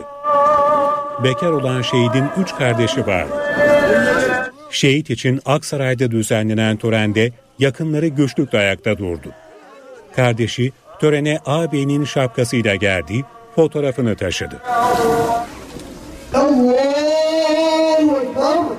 Piyade Üsteğmen Gökhan Deren törenin ardından Aksaray şehitliğinde toprağa verildi. Uzman çavuş Ahmet Köroğlu için Giresun'da tören yapıldı. Yakınlarına bu ay içinde görevinden ayrılıp memleketine dönme planı yaptığını söylüyordu. Uzman çavuş planından vazgeçti, şehit olmadan iki gün önce sözleşmesini yeniledi. Tekrar üst bölgesindeki görevine döndü. Şehit 25 yaşındaydı, bekardı. Uzman çavuş Ahmet Köroğlu törenin ardından Görede ilçesinde toprağa verildi. Sözleşmeli Er Kemal Batur 23 yaşındaydı. Bekardı. Dört kardeşin en büyüğüydü. Şehit için Niğde'nin Himmetli köyünde tören yapıldı. Sözleşmeli Er Kemal Batur törenin ardından köy mezarlığında defnedildi. Kahramanmaraş'ın Göksunu ilçesinde sözleşmeli er Emrullah Gülmez'in hüznü vardı. Şehidin bir abiydi askerdi. Esselamu aleyküm ve rahmetullah. Sözleşmeli er Emrullah Gülmez, törenin ardından gözyaşlarıyla toprağa verildi. Sözleşmeli er Murat Atar orduluydu. 22 yaşındaki şehit bekardı, 8 aylık eğitimin ardından 2 ay önce göreve başlamıştı. Pençe Kilit Harekat Bölgesi'nde Sözleşmeli er Murat Atar, Bolluk Mahallesi'nde toprağa verildi. Sözleşmeli er Muhammed Tunahan Evcin Eskişehir'deydi. 27 yaşındaki şehit ailenin 3 çocuğundan en küçüğüydü. Ailesi törende yakınlarının desteğiyle ayakta durdu. Sözleşmeli er Muhammed Tunahan Evcin Alpı ilçesinde toprağa verildi. Cumhurbaşkanı Recep Tayyip Erdoğan aynı saldırıda şehit olan piyade uzman çavuş Hakan Gün'ün babası Süleyman Gün'le telefonda görüştü. Cumhurbaşkanı Erdoğan aileye başsağlığı dileğini iletti. Rabbim şehidimiz de size cennetinde kavuştursun inşallah. Amin inşallah. Tüm aileye en kalbi selamlarımızı, saygılarımızı iletin. Türkiye Büyük Millet Meclisi terör gündemiyle toplanıyor. Milli Savunma Bakanı Yaşar Güler ve Dışişleri Bakanı Hakan Fidan yarın meclisi bilgilendirecek. 27 Aralık 2023'te çalışmalarına ara veren meclis 20 gün sonra mesaisine önemli bir toplantıyla başlayacak. Milli Savunma Bakanı Yaşar Güler ve Dışişleri Bakanı Hakan Fidan genel kurulda milletvekillerine bilgi verecek. Hem son dönemde üst bölgelerine düzenlenen saldırılar hem de terörle mücadele operasyonları ele alınacak. Mecliste yeni haftada radyo ve televizyon üst kuruluna üye seçimi de yapılacak. Genel kurulda ayrıca Türk Silahlı Kuvvetleri'nin Aden Körfezi, Somali karasularındaki görev süresinin uzatılmasına ilişkin Cumhurbaşkanlığı tezkeresi görüşülecek. Genel kurulda bazı uluslararası sözleşmeler ilişkin kanun teklifleri de ele alınacak. Yeni haftada çalışma hayatına ilişkin kanun teklifinin meclise sunulması da bekleniyor. Teklifte işverene verilen asgari ücret desteğinin 500 liradan 700 liraya yükseltilmesine ve kısa çalışma ödeneğine ilişkin maddelerin olması bekleniyor. Salı ve çarşamba günleri ise mecliste grubu bulunan siyasi partilerin grup toplantıları yapılacak. Çalışmalarına yeniden başlayacak mecliste gözler bir yandan da İsveç'in NATO'ya üyelik protokolü ve Can Atalay geriliminde olacak. Meclis Dışişleri Komisyonu'nda kabul edilen İsveç'in NATO'ya üyelik protokolünün ne zaman genel kurula geleceği henüz net değil. Türkiye İşçi Partisi Milletvekili Can Atalay'ın kesinleşmiş hükmünün genel kurulda okutulup okutulmayacağı sorusuna da yanıt aranıyor. Meclis Başkanı Numan Kurtulmuş bu soruya meselenin bir şekilde halledilmesi lazım. Zaman içerisinde bu uygulamayı ortaya koyarız yanıtını vermişti. Karar genel kurulda okunursa Atalay'ın milletvekilliği düşecek. 9 askerin şehit olduğu terör saldırısı sonrası sosyal medyada provokatif paylaşımlarda bulunan ve terör örgütü PKK'yı öven kişilerle ilgili İçişleri Bakanı Ali Yerlikaya'dan açıklama var. Bakan şu ana kadar bu tip paylaşımlarda bulunan 170 hesap tespit edildiğini ifade etti. Bunlardan 133'ünün yurt dışında olduğu anlaşıldı. Türkiye'deki 37 şüpheliye yönelik yapılan operasyonlarda 18 kişi gözaltına alındı. 19 zanlı ile ilgili çalışmalarsa sürüyor. Bir operasyonda ruhsatsız silah taşıyan kişilere ve silah kaçakçılarına Bakan Yerlikaya mercek adı verilen operasyonda 78 ilde 2036 şüphelinin gözaltına alındığını açıkladı.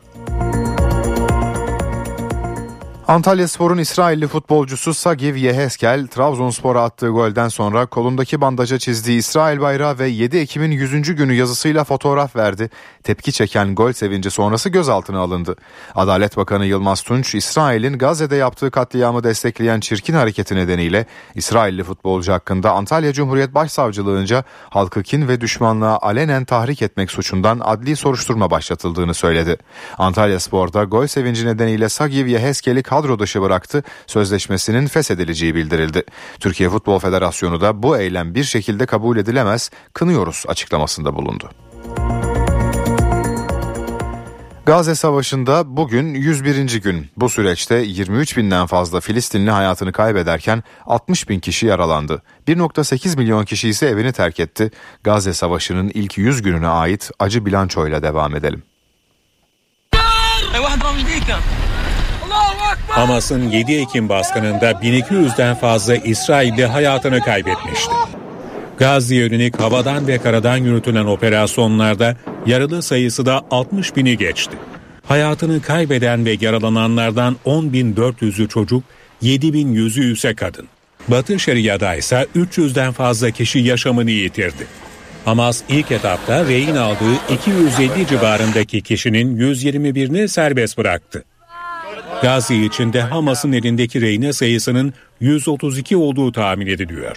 Hamas'ın elindeyken ölen ya da öldürülen rehinelerin sayısının ise 33 olduğu belirtiliyor. Savaş bölgesinde işlerini yapmaya çalışan gazetecilerden de şimdiye kadar 82'si hayatını kaybetti.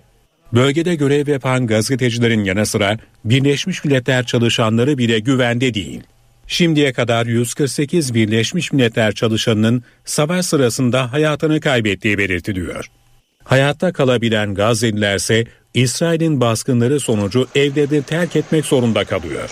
Gazze nüfusunun %85'ini oluşturan 1,8 milyon kişi göçe zorlandı. İsrail bombardımanları sonucu Gazze genelindeki binaların neredeyse yarısı ya tamamen yıkıldı ya da hasar gördü.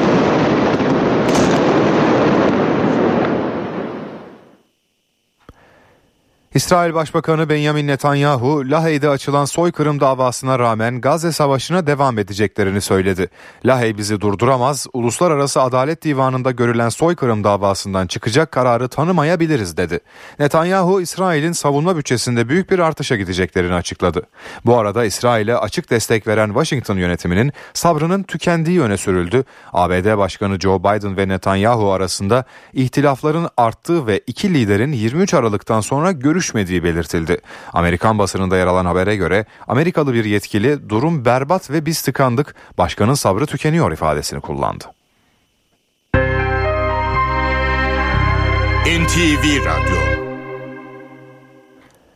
Milyonlarca dolarlık gizli fon dolandırıcılığı davasının 3. duruşması bugün görülecek. Davanın kilit ismi Seçil Erzan Cuma günkü oturumda ağlayarak savunma yapmış, ünlü isimleri sisteme nasıl dahil ettiğini anlatmıştı. Erzan eski futbolcu Semih Kaya'ya çok para verdiği için sistemin bozulduğunu savunmuştu. Bugünkü duruşmada müşteki ve tanıkların dinlenmesine devam edilecek. Seçil Erzan yöneltilecek sorulara cevap verecek. Sistemin merkezindeki isimlerden futbolcu Semih Kaya'nın da bugün savunmasının alınması bekleniyor. Son dönemde Covid ve grip vakalarında artış var. Kalabalık ortamlardan kaçınmak ve maske takmak çok önemli. Enfeksiyon hastalıkları uzmanı Profesör İftihar Köksal'ın uyarılarını dinleyelim. Neredeyse giderek artan iki katına çıkan bir vaka artışı var. Bu arada çocukların da bu şekilde hasta olduğunu söyleyeyim. Sadece erişkinleri değil çocukları da maalesef etkileyip yatırıyor. Peş peşe ardışık viral enfeksiyonlar olabiliyor. Yani kişi önce COVID-19'u geçirip ardından influenza A'yı geçirebiliyor ya da influenza A'yı geçirip peşine e, COVID-19 olabiliyor. Bu sene influenza A maalesef sadece üst solunum yollarına lokalize kalmıyor. E, Birçok vakada akciğerlere indiğini ve viral pnömoni yaptığını görüyoruz. Bu oldukça ağır bir klinik tablo ve bu hastaları bazen oksijen ihtiyaçları arttığı için hastaneye yatırmak durumunda kalıyoruz. Uzmanlar hastalık belirtileri görüldüğünde kişilerin doktora başvurmasının bulaşı önleyebileceğini ve hastalığın seyrini olumlu etkileyebileceğini söylüyor. Toplu taşıma, alışveriş merkezi gibi kalabalık ortamlarda maske takılması da önemli. Maske, mesafe ve kişisel hijyen, ellerin yıkanması, hapşırırken, öksürürken avuçla değil kolla ya da maskeli olduğumuz için zaten etrafa zarar vermeyeceğiz. Bu şekilde yaparak bulaşı azaltabiliriz. Aşılar bakın Covid-19'da da influenza'da da yani gripte de aşılar ölümü kesinlikle engelliyor. Aşı olan kişiler influenza'yı aldıkları zaman, virüsü aldıkları zaman hastalığı çok ağır geçirmezler. Hafif adeta üst solunum yolu enfeksiyonu şeklinde geçirirler. Artvin'de ard arda yaşanan heyelanlar panik yarattı. 2024'ün ilk iki haftasında kayıtlara geçen heyelan sayısı 2023 yılını 3'e katladı. Uzmanlar bu artışı iklim değişikliğine bağlıyor. Son iki haftada geçen yılın 3 katı kadar heyelan düştü. Uzmanlara göre hem ağaçlandırma hem de yamaçlardaki çelik örtüler artmalı. Karadeniz halkına yönelik de uyarılar var. Artvin'de geçen yıl toplam 7 heyelan vakası yaşandı. 2024'de girilen ilk ay bitmeden bu sayı 21 oldu. Araştırmacılar küresel ısınmaya bağlı ani ve yoğun yağışın toprak yapısını yumuşattığını söylüyor. Kayaların arasına sızan su toprağın tutuculuğunu kaybetmesine son noktada da heyelanlara neden oluyor. Karadeniz'de heyelanlara karşı bölge halkının özellikle de sürücülerin dikkatli olması gerekiyor. Sürücülere en ufak taş düşmesini bile yetkililere ihbar edin çağrısı yapılıyor. Böylece yollarda önlem alınıyor. Heyelan olmadan güzergahın kapatılması sağlanıyor. Heyelanla mücadele için belediye ekipleri de teyakkuzda. Farklı noktalara çelik hasırlar yerleştiriliyor. Riskli noktalarda dağcılar tarafından temizlik yapılıyor.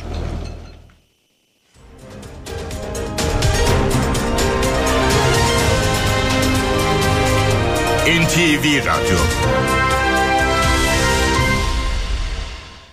HDI Sigorta İstanbul'un yol durumunu sunar. İstanbul'da trafik yoğunluğu %65 seviyelerinde. Basın Ekspres 2 telli güneşli yönü için sağ şeritte bakım onarım çalışması olduğu bilgisi var. Bir şerit trafiği kapalı. O bölgede yoğun trafik yaşanıyor. 15 Temmuz Şehitler Köprüsü için Avrupa'dan Anadolu'ya geçişlerde de bir araç arızası var. Sağ şerit trafiği kapalı durumda. O bölgede yoğun trafik yaşanıyor. Fatih Sultan Mehmet Köprüsü için de Anadolu yakasından geçişler yoğun. Yolda olanlara iyi yolculuklar. HDI Sigorta İstanbul'un yol durumunu sundu. HDI Sigorta